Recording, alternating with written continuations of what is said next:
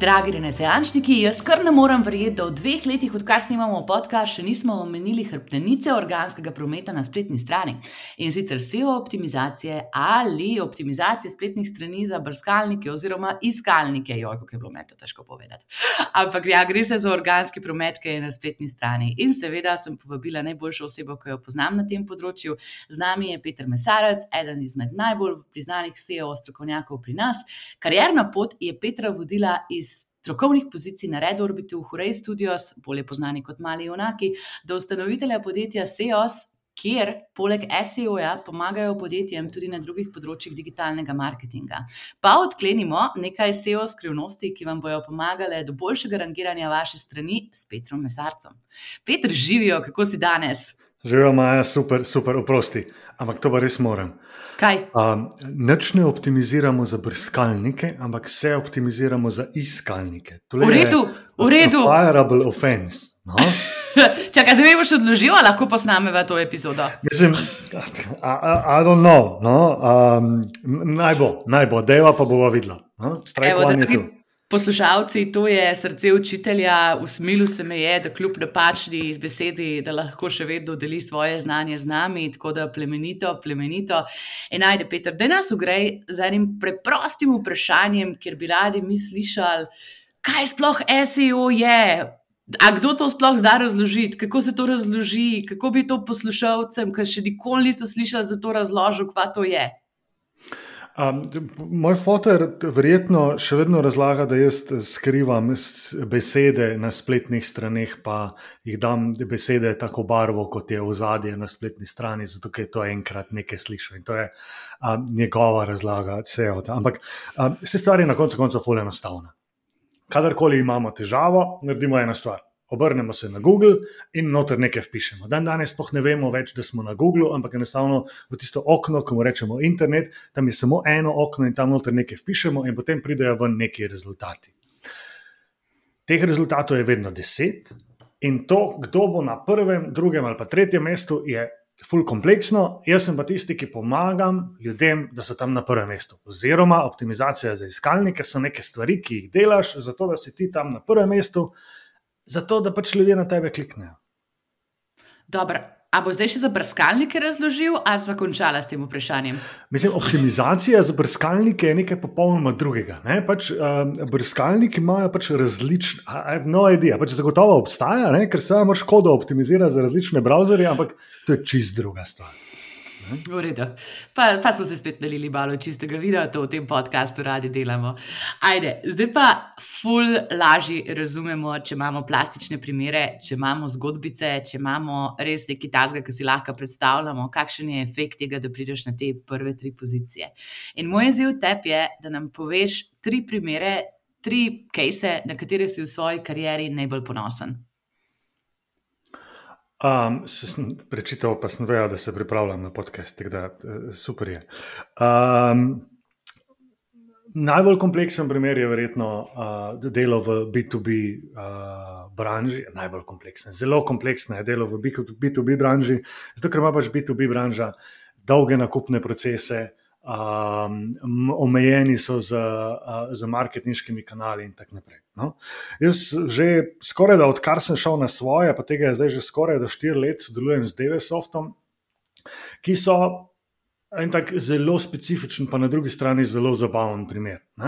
DVSoft dela, to je Giant, slovenska firma, ki jo zagotovo poznamo, in delajo različne stvari za merjenje stvari. Pač jaz še zdaj čisto ne razumem, kaj točno vse delajo, ampak recimo, da vemo, da pomagajo drugim podjetjem meriti stvari.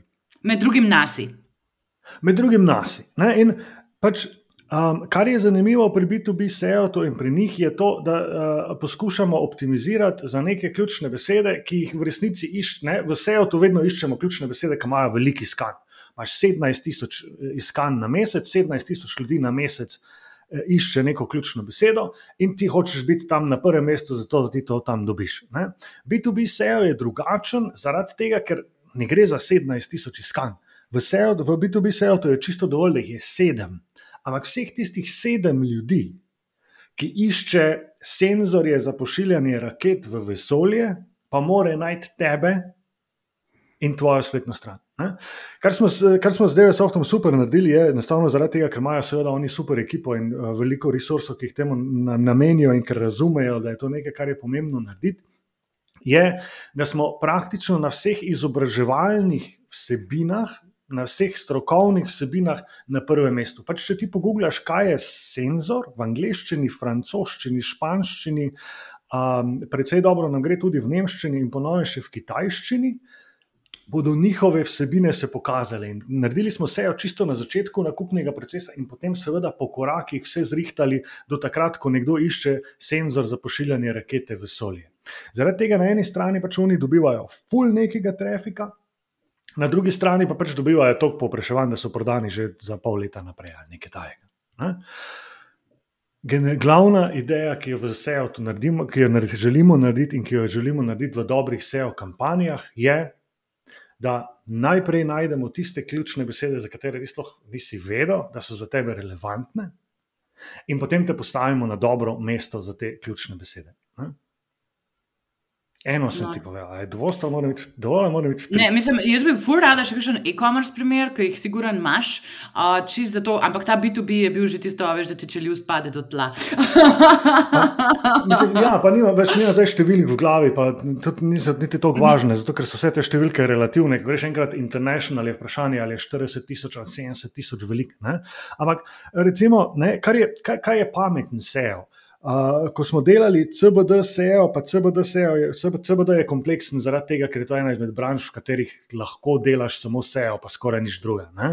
To je isto, ko, uh, ko, vsi, uh, ko vsi kriptoprojekti, pa vsi ostali problematični projekti.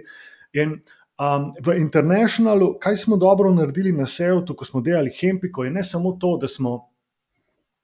Se postavili za ključne besede na dobre pozicije, ampak smo pripravili pristajalne strani, ki so zdaj postale, ki, ki jih zdaj ljudje širajo po spletu, zato da jih pokažejo, ker so vsebinsko tako dobre. No? A, pač, a, kaj smo naredili? Ne? Naredili smo najboljši page za ključno besedo, a, je CBD legalen v, mojem, v moji državi, seveda v angleščini. Ne?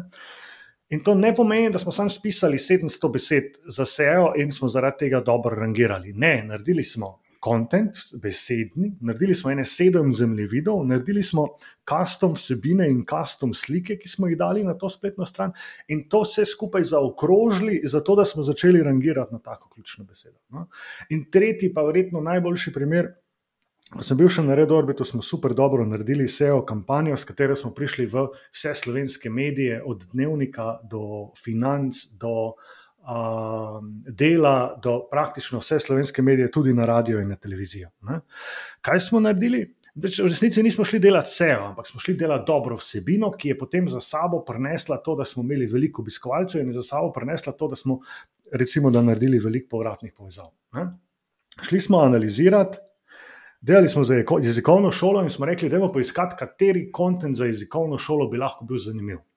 In smo šli pogledati, ne, um, oglase za službe, ki so nam moje delo bili.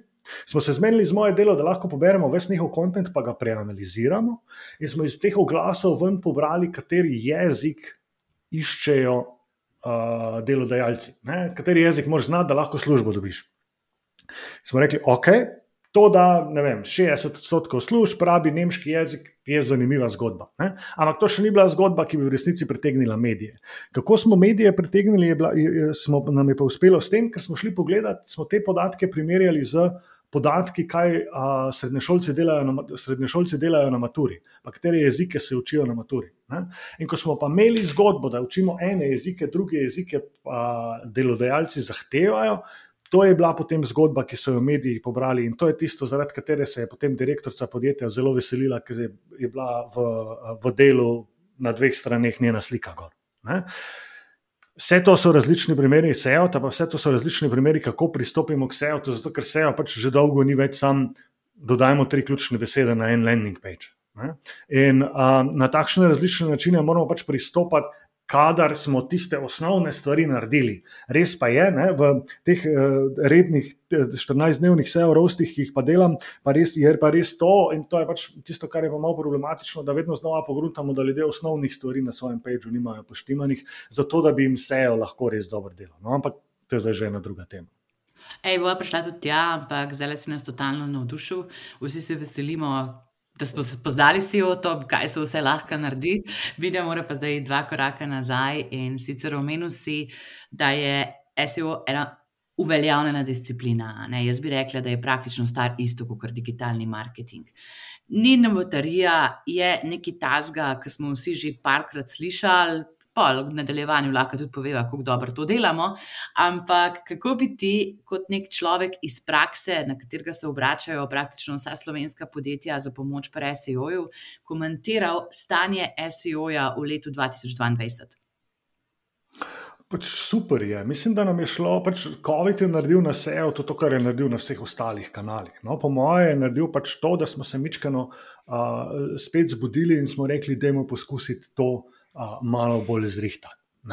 Um, res pa seveda je, da je uh, implementacija tisto, kar nam manjka. No, pač nekako smo navajeni, se mi zdi, tudi na drugih kanalih, da nekaj malega zrihtamo in potem. Um, in Tem stvar pač dela. In to je tisto, kar nas pri SEO-tu mičkano ustavlja. Ker pri SEO-tu je pa pač grind rabimo. Treba je vsak teden zrihtati pet pageov, treba je vsak teden zrihtati pet backlinkov in treba je vsak teden zrihtati um, en nov content. In pač na koncu koncev, ne, jaz že 20 let skoraj vse razlagam, pa ena razlagam iste stvari, ker so pač stvari še vedno iste, in dva. Um, Nekaj je bilo fulj pomembnega, kar je bilo dva. Um, pač, ja, uh, to, da se strajno in več čas delamo stvari, je tista stvar, ki resnično razdi, uh, naredi razliko. No? In um, zaradi tega, to je pa tisto, kar nam še vedno zmanjka, pa ne bo to v letu 2022 ali pa je to bilo deset let nazaj. Ne? Zato, ker bi pač mičkeno radili neke hitre rezultate, ki nam jih, um, ki nam jih pač ne gre. Ne? In ne glede na to, ali nam marketingari prodajajo neke napredne SEO stvari, ki. Um, ker govorimo o voice searchu in ker govorimo o tem, da se zdaj z Sirijem pogovarjamo po Googlu, ali pa se pogovarjamo o čisto osnovnih stvarih, je praktično na koncu koncev vse isto, kot je bilo 20 let nazaj. Napiši vsebino, ki bo dobro rešila tvoj problem, uporabnikov problem, in potem boš skoraj da dobro rangiral. Ej, kako imaš na stvar, ne? Jaz, vmes, ko si govoril, sem prav razmišljala ono o telovadbi. Lahko pač tako, da ve, preživiš ure in ure in googlaš, katere vaje, tako, ampak pač ne, be, ne bo tega na mestu tebe delo, pač ta proces, to, da se naredi egzekucija, loč zmagovalcev od poražencev, tako da ja, red navade in to, da imamo neko mentoriranje oziroma neko usmislevanje tega, kaj se nam dogaja na poti. Ja, mislim, da sem včasih, ko še nisem imel otrok, pa sem imel kaj cajt v življenju, laufal ultramaratone. Ne? In pač res je, glavna stvar je to, da si šel ven, pa si laufal. Pa je vseeno, ali si laufal počasi, pa je vseeno, ali se ti ni dalo, pa je vseeno, ali si šel samo 5 km, ampak važno pač je, da si vsak dan šel. In enako je presel to. Seveda ti lahko delaš ful neke napredne heke, pa trike, pa ne vem kaj še vse. Ne? In ti ti bo mogoče neko malenkost prenesli, ampak dolgoročno ti bo pa. Rezultate, resne rezultate, pač prineslo samo to, da boš vsak teden nekaj zrihtal. In jaz še vedno rečem, da pač pet pageov na dan prenese Google k tebi, ne, ne, ne vem, ne, zdravnika stran. Pač pet pageov na dan, ki jih boš porihtal, dolgoročno dobiš rezultate. In brez tega pač ne bo šlo. Zelo, zelo, zelo dober. Meni je všeč, da se na tak iskren način pogovarjamo, se pravi, ne na način srak, da pač tako preberemo neko stvar na internetu in da se vsi zapodimo tja, ampak da enostavno priznamo, da neke stvari pač rabijo trdno delo. In ker so že glih pri tem, me pa vse zanima, a veš, ko zdaj se je pa Facebook, pa ta e-commerce pokrajina prevrtila in ogromno vsaj spletnih trgovin uhaja iz Facebooka in išče, bom temu rekla, vse ostalo. Ali si ti slučajno zaznal kakšen porast povpraševanj v tvojem biznisu, zaradi tega, ker se ljudje umikajo iz Facebooka? Ba, ne vem, če je zaradi tega, ker se umikajo iz Facebooka. Ker je pač, jaz mislim, da gre pri takšnih vrstih podjetij za nek normalen cikl, kjer na začetku pač naredijo tisto raketno rast iz uh, z Facebook advertisingom, potem pa počasi ugotavljajo pač to, kar Zdaj razlagam že 15 let. Pač adverti cena advertisinga na vseh kanalih povprečno na leto raste za 20 postov. In pač, če je tvoja marža X, ti bo leto za letom teh 20 postov pojedlo tvojo maržo. In če si na začetku super dobro delal, in to sem jaz bil zraven, ko smo gledali podjetja, s katerimi smo delali, da se jim je to dogajalo, so na začetku bili super, super profitabilni, in na koncu je zmanjkalo tega, ker je advertising to pojedel. In to podjetja vidijo, da za nami pa počasi ne gre. In potem je ponovadi e-mail marketing tisti, ki ga najprej pogruntajo. Se, ne, itak dobivaš neke kupce, pa če si uh, zelo e-commerce, znajo biti te številke zelo um, zelo, zelo visoke e-mailov, in potem pograbijo e-mail marketing. Potem pa počasi začnejo razmišljati o tem, da je pač treba dati jajca v drugo košaro, in ena izmed teh zanimivih košar postane SEO. Zdaj, pol pa imamo tudi ta problem, ker smo pet let delali vse drugo, sam SEO, ta ne pa bi naenkrat imeli rešitve. Pol je pa, da idemo nekaj zrihtati, da bomo hitri. Ne, ne, ne bomo. Ne? In zaradi tega je Ne, vsi rečejo, joj, ko bi Petra, noben tega ne reče, ko bi Petra poslušal pred petimi leti, ampak vseeno. Kako se ti zabava za poslušanje? sorry, sorry prekila sem te. Um, a veš, in potem je, ne, zdaj, ne, zdaj pa moramo komi začeti delati, da bomo stvari, do, do stvari enkrat prišli. Ne. Tu je potem, seveda, so stvari postanejo zelo triki. Um, tvoj, en, tvoj prejšnji gost, za katerega so poslušalci morda že kdaj slišali, Rok Hrastnik, um, je full nenaklonjen, ali pa kompleksno nenaklonjen SEO, ker ne, je izjemno problematično iz sebin, ki niso neposredno prodajne, delati direktno prodajo. Marsikomu je uspelo, marsikomu pač ni uspelo, ker je stvar zelo kompleksna. No, ampak na koncu koncev, kar hočemo narediti in kar je super, če delamo že od začetka, je to, da vlagamo v SEO in hočemo priti do tega, da nam SEO predstavlja tam 30 do 40 odstotkov sešnjo ali pa prodaj. Um, ker to je pol tisto, ko lahko v nekem trenutku vse dol vgasnemo, pa bo stvar še vedno delala. Ne, to je neka osnova. Pač v, v hipotetičnem smislu, ali pa v najlepšo spletno trgovino, ki si jo jaz v življenju predstavljam, ne, bi organik nosil osnovnih 40% prodaj, pol bi še 20% prodaj nosil brand, torej nek direct, In potem ostale, ne pa še nekaj e-maila, ostale oglaševalske kanale, pa bolj kot ne uporabljaš samo zato, da prodajaš neke nove produkte, neke nove kategorije ali pa testiraš neke nove ciljne grupe, nekaj takega. Vse je zelo odvisno od tega, kaj spletna trgovina, la, la, la, si, ampak to je bolj nekaj, kar ti daje možnost, pa prostor, da rasteš, pa da neke stvari probavaš, brez da bi ti stalno tekla voda v grlo, ker nimaš uh, denarja. Ne, in točno to, kar si rekel, točno tja sem jaz hotla iti. Zato, ker ta, ta prva evolucija, ki si jo povedal, kako pač podjetnik si lahko na začetku mal. Povrne stroške, te začetne investicije, ki jih je imel, to, da se pač zaloga naredi, pa spletna stran, pa take stvari.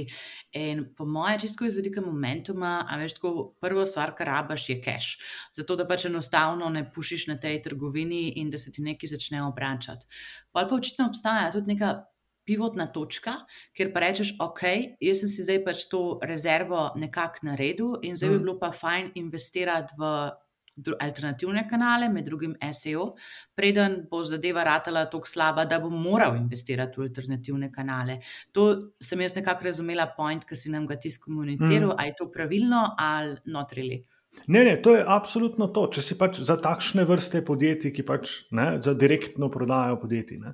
Seveda obstajajo druge strategije, lahko, kako lahko k SEO-tu pristopiš. Recimo, SEO je fully zanimiv za start-upe, čeprav je to prvi, zadnji kanal, na katerega start-upi razmislijo, ne, pomislijo. In, um, pač zakaj? Zato, ker ti lahko na SEO-tu začneš delati še preden si še pri produkt, pa pri market, pa pri whatever ti že lahko delaš na SEO.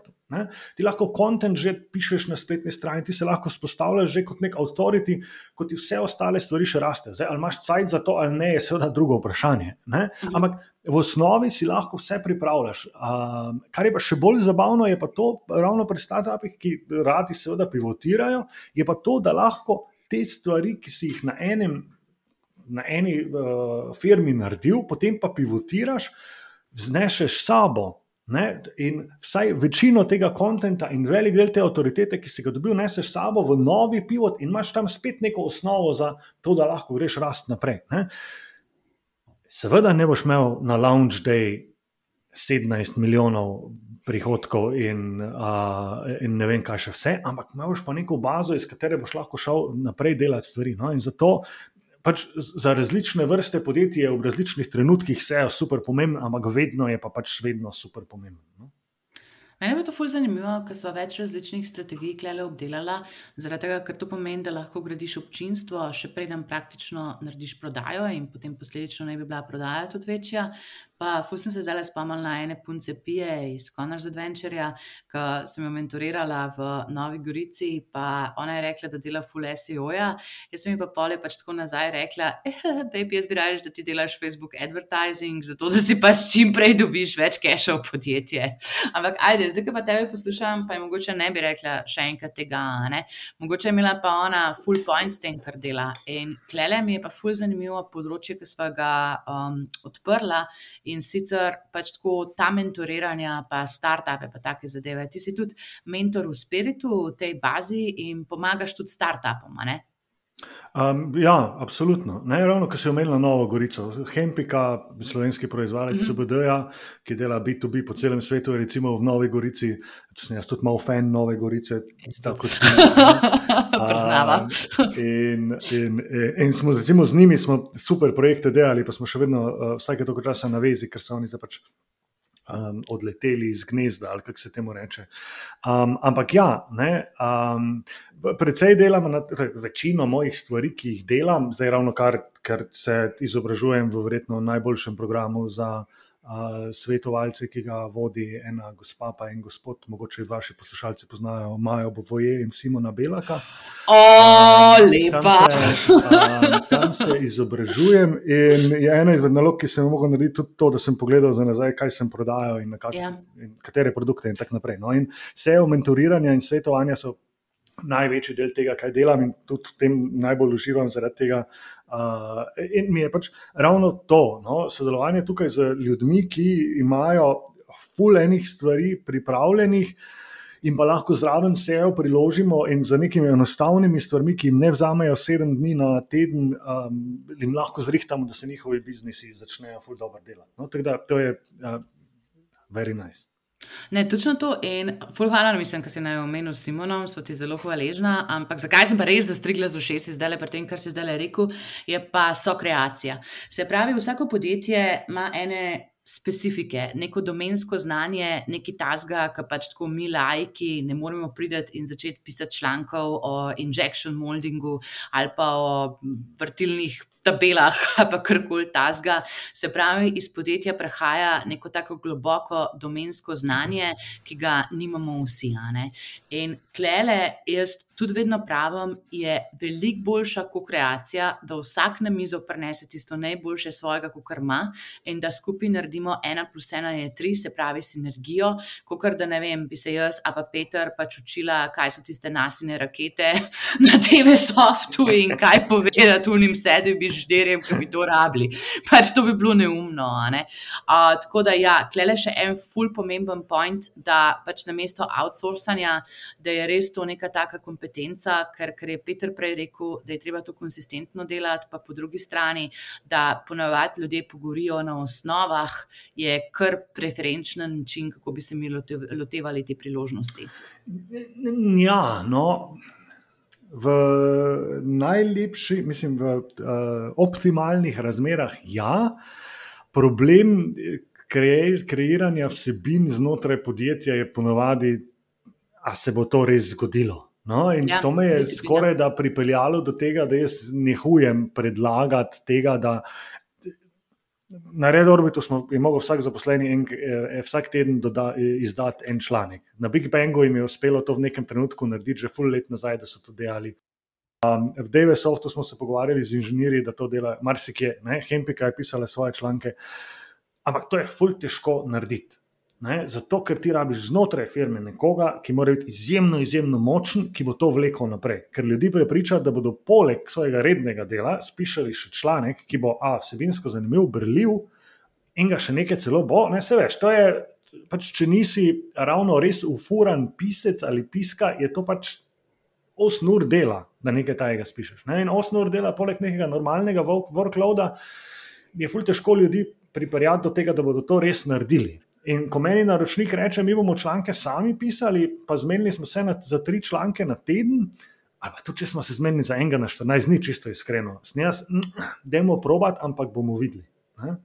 Je pa, kar je pa, ne, mi je bila pa všeč tvoja beseda, kot kreacija, ker je pameten razmislek o tem, da mogoče razmisliš o tem, da vzameš strokovnjaka, ki ti spiše osnovno strukturo ali pa osnovne neke pointe, ki jih potem nekdo spiše v članek. V resnici, ne, da um, on pove, kar je treba povedati, pa neke trike, ki so noter, ali pa pač res pomembne stvari, pol pa nekdo to kot novinar spiše v, v neko vsebino. Ne, na takšen način, recimo, lahko to resnično hitreje delaš, drugače pa zelo prepogosto failnemo, po mojem. In zelo mi je všeč, da si to rekel, ker točno to jaz predvidevam, da se bo naredilo.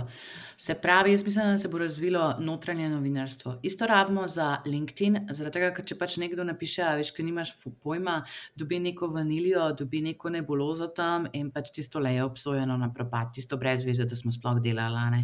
Medtem, pa če posedeš nekega nekega tehnologa, pa da mi povej tukaj le v kamero, pa pač sam na voice, tri stvari, ki si jih ti misliš o, ne vem, injection moldingu, ali pa karkoli tasga, vzemi boš 15 minut in tako bi ti to govoril, sam pač mhm. razlika je, da ga snimaš.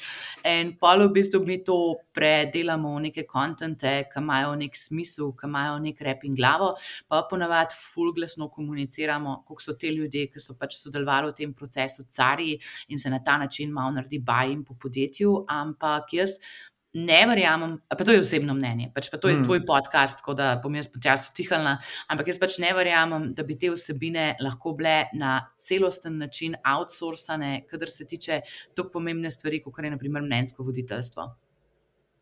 Absolutno, ne, tu spet prijema nazaj k temu, da v resnici nič novega ne povemo. Ne, ker to je pač klasičen PR, ki ga podjetje... Naslov neha disa.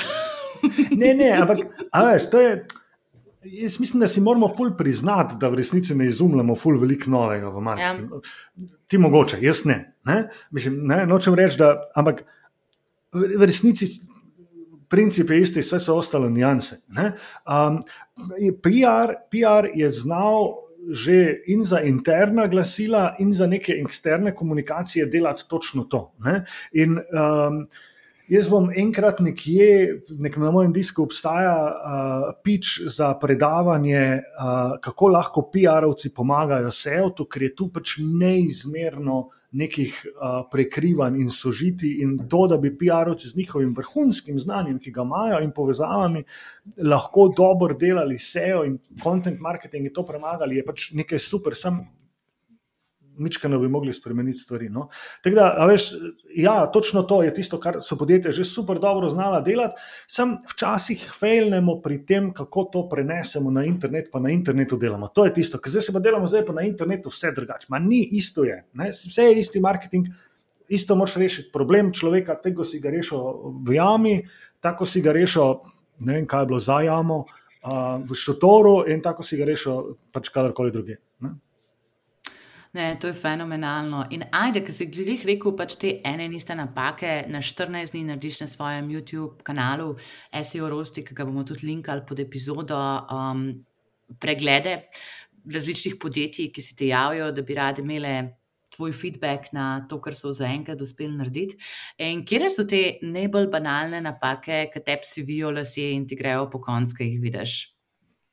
Mislim. Um... Največja stvar, ki jo doben ne dela, pa bi vsem najboljše pomagala, je pač pridobivanje povratnih povezav. Jaz razumem, da je to popolnoma abstraktno, o tem, kako naj jaz zdaj neke spletne strani na svetu prepričam, da bodo pisale o meni in dale link na mene, če sem pač jaz neka spletna trgovina. Ne?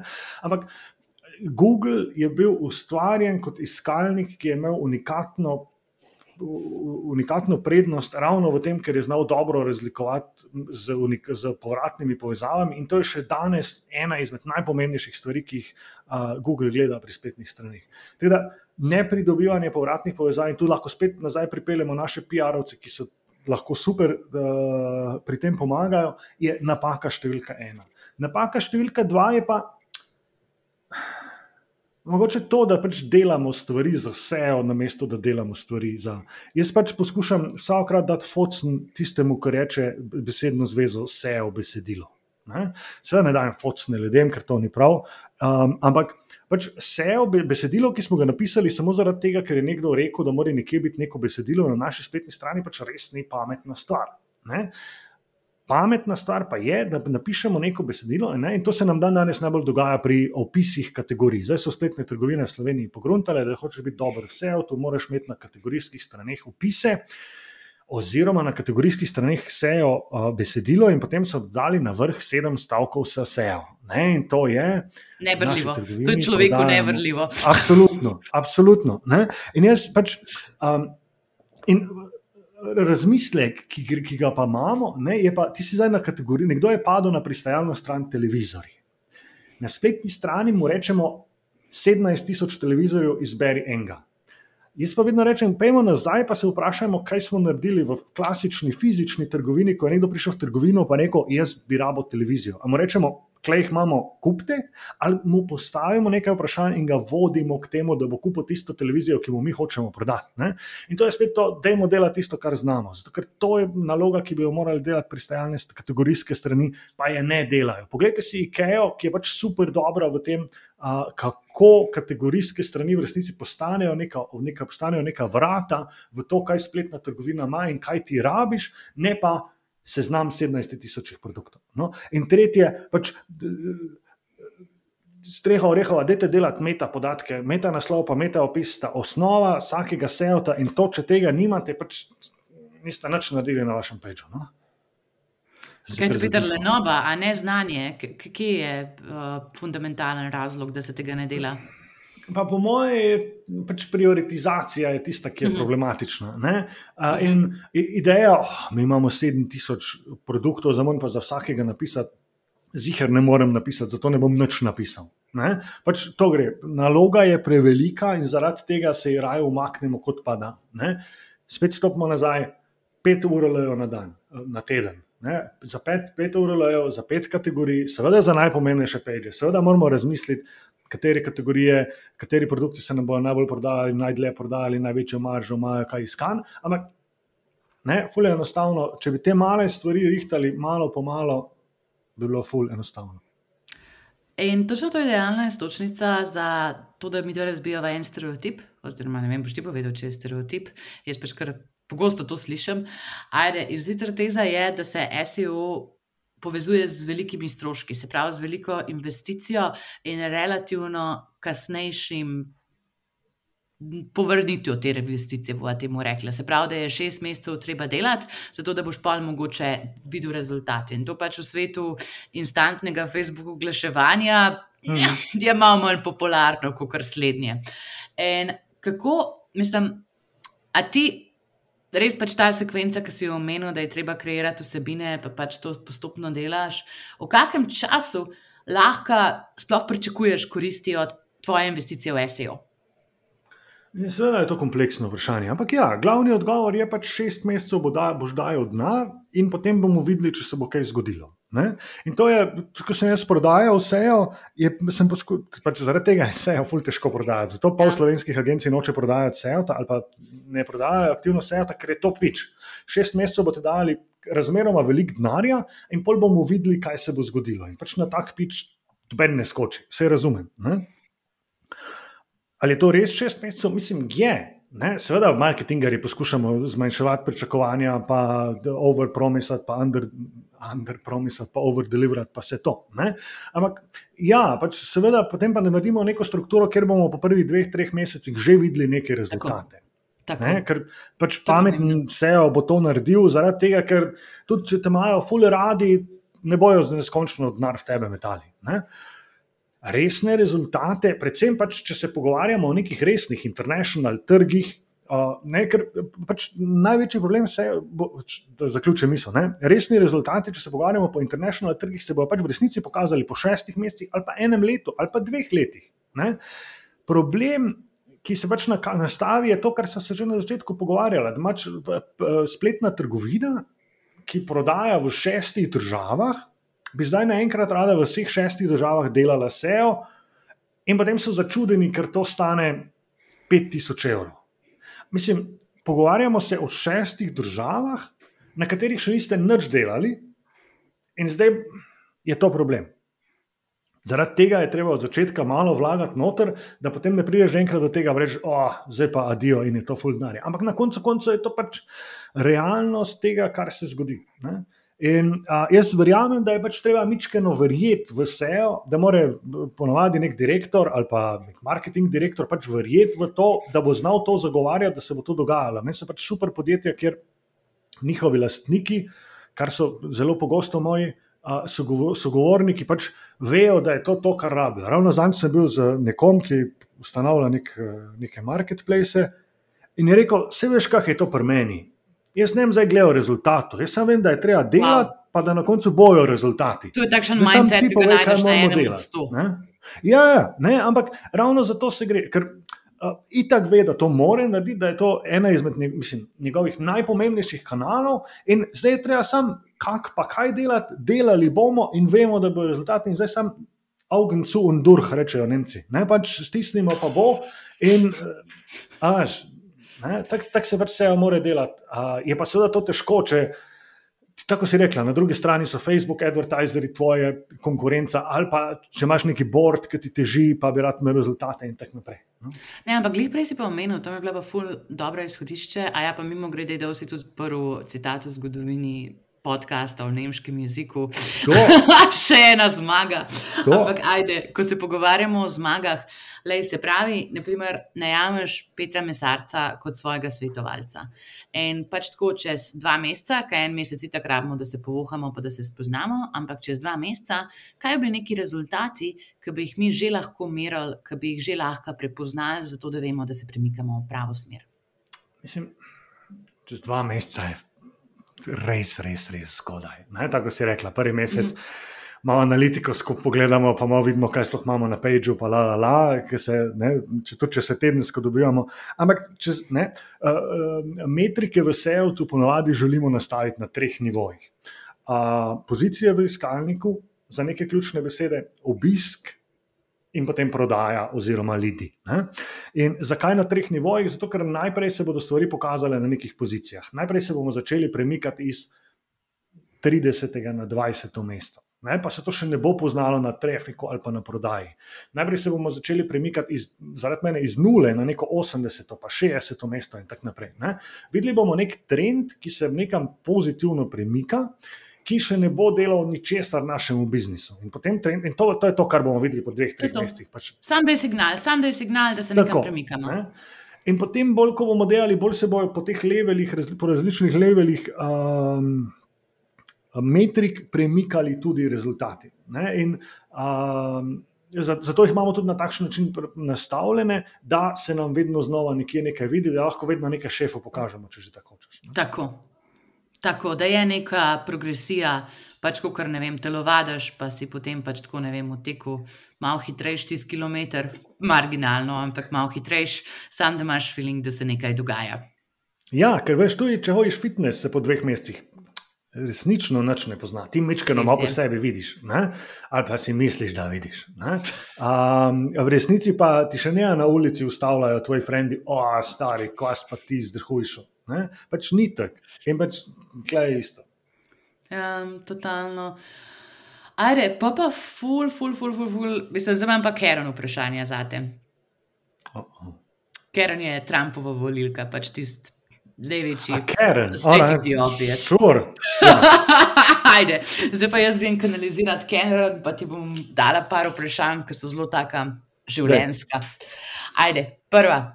Kako je SEO drugačen za spletno trgovino ali osebni blog? Mislim, ni drugačen.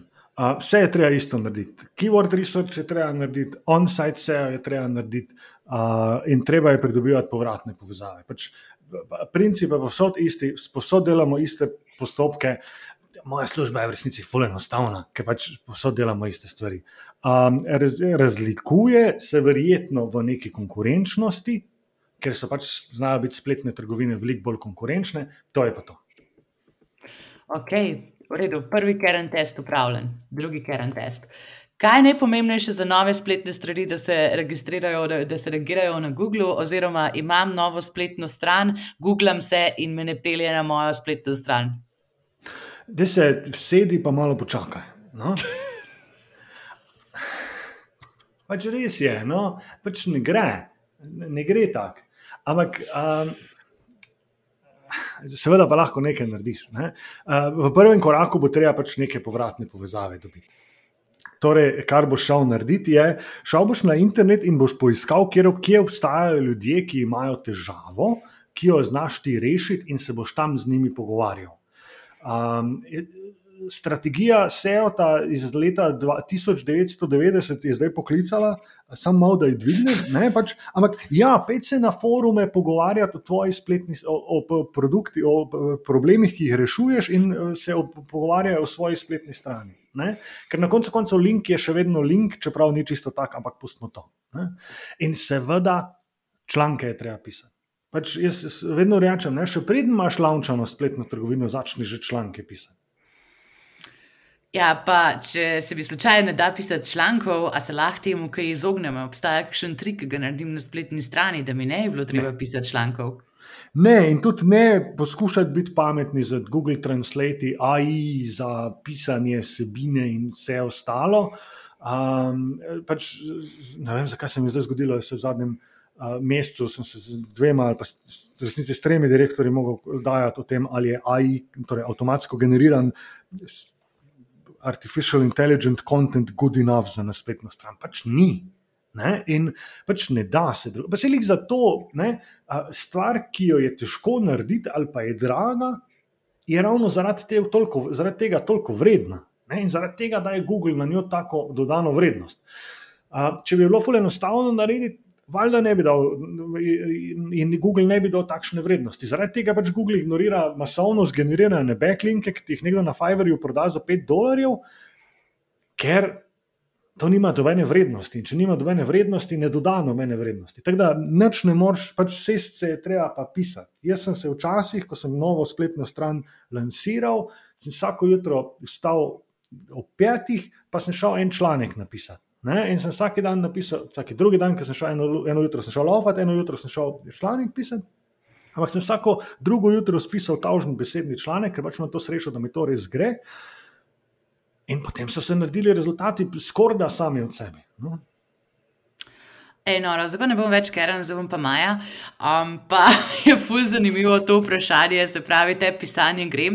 In pač dober si v tem, a se tvoj blog pač na spletni strani smo tudi linkali, pa si ga lahko ljudje pogledajo, če jih seveda zanima kaj drugega še. Smo ti backlink zrihtali, vidiš backlink. To. Ja, kar podzavestno, brez tega, da bi vedeli, da je Bravo. to pomembno. Samo zato, da Bravo. dodajemo vrednost poslušalcem. Ajde, Ampak, veš, glih to je, ne, sam tole, mogoče. Ne? Ko sem prej razlagal, kako lahko PR-ovci pomagajo, kako lahko obstoječi uh, marketinški uh, dela, ki jih delate že na marketingu, pomagajo pri. To je ravno to. Pač, kjerkoli ste in karkoli naredite, se zmenite za backlink.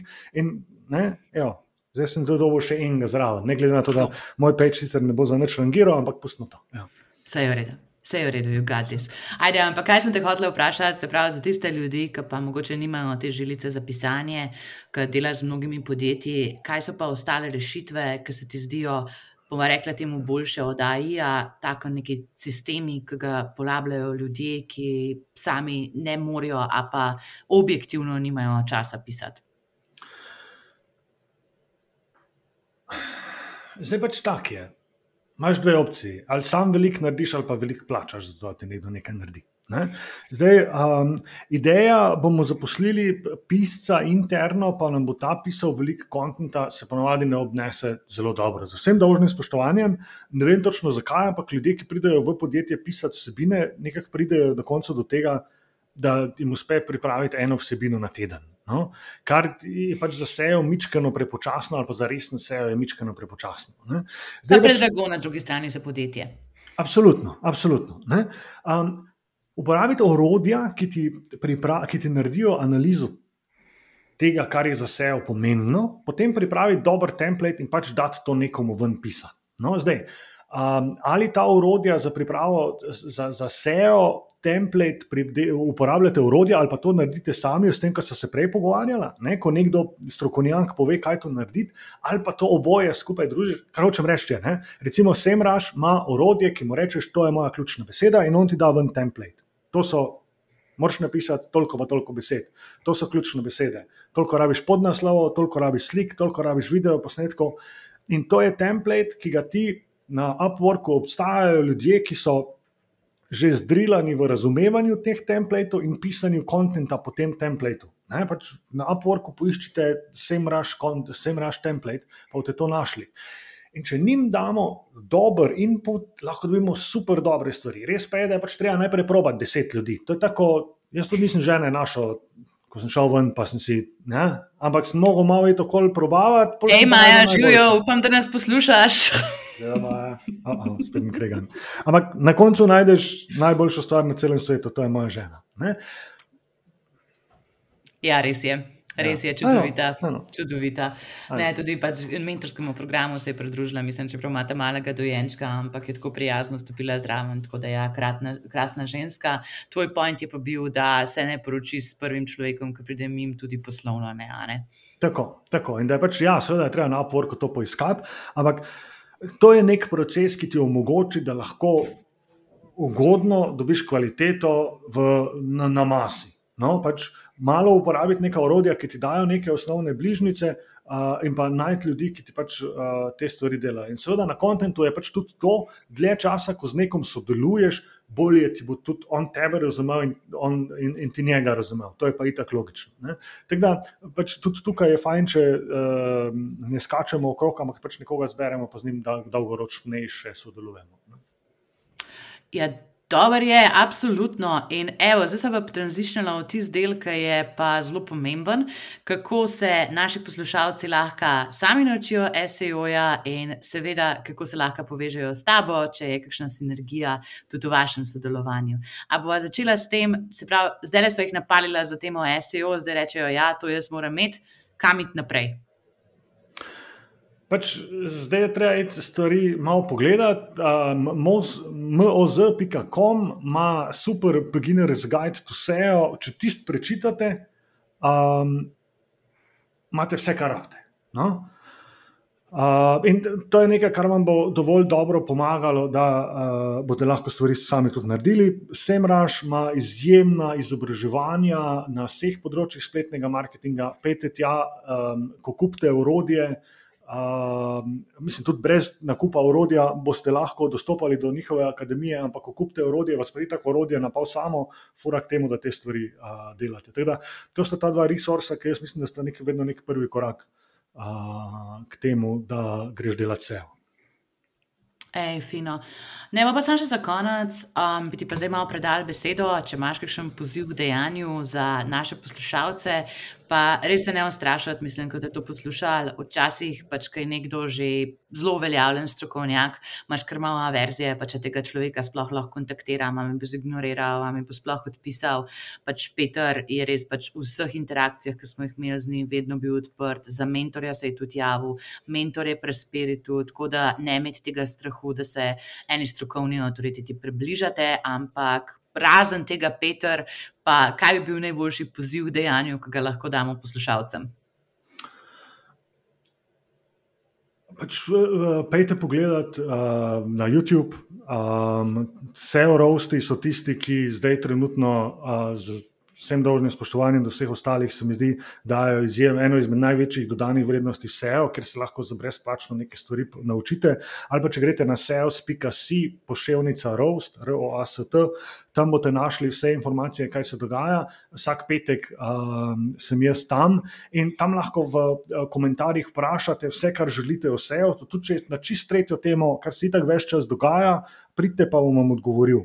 Glede tega, kar je pa Maja rekla, jaz seveda z veseljem se pogovarjam, ampak imam dva mala otroka in sem zelo beden v tem, da. Najdem vsa sporočila, ki so mi jih ljudje poslali na Facebook, Messengerju, Instagramu, TikToku, e-mailu, unem, drugem, tretjem. Tako da z veseljem se javite na peterafnaseos.si, ampak ne biti razočarani, če se ne javim. Jaz to zelo iskreno povem, ker pač failam pri tem in a, potem ostajajo maili neodgovorjeni, tako da mi pač še enkrat po, po, po, poiščite nekje drugje, a, pa se z veseljem pogovarjam. Ja, te pes, le se mogoče pa kdaj tudi kakšen job za kakšno asistentko objavlja. Kva pa vemo. Ej, Peter, drugače pač le prvič sem vela tako dolg pogovor skupaj, jaz sem v njem neskončno uživala, mislim, da smo se vsi ogromno naučili. Enako, Hvala. enako. Superca. Hvala za tvojo odprtost, hudomušnost, prvi citat v nemščini v zgodovini podcasta in seveda za vso znanje, ki ga deliš s skupnostjo, pa srečno še naprej. Maja, hvala tebi, super, da sem lahko bil klep, pa se vidimo. Ajde. Hvala, ker ste nas poslušali. Nasvidenje.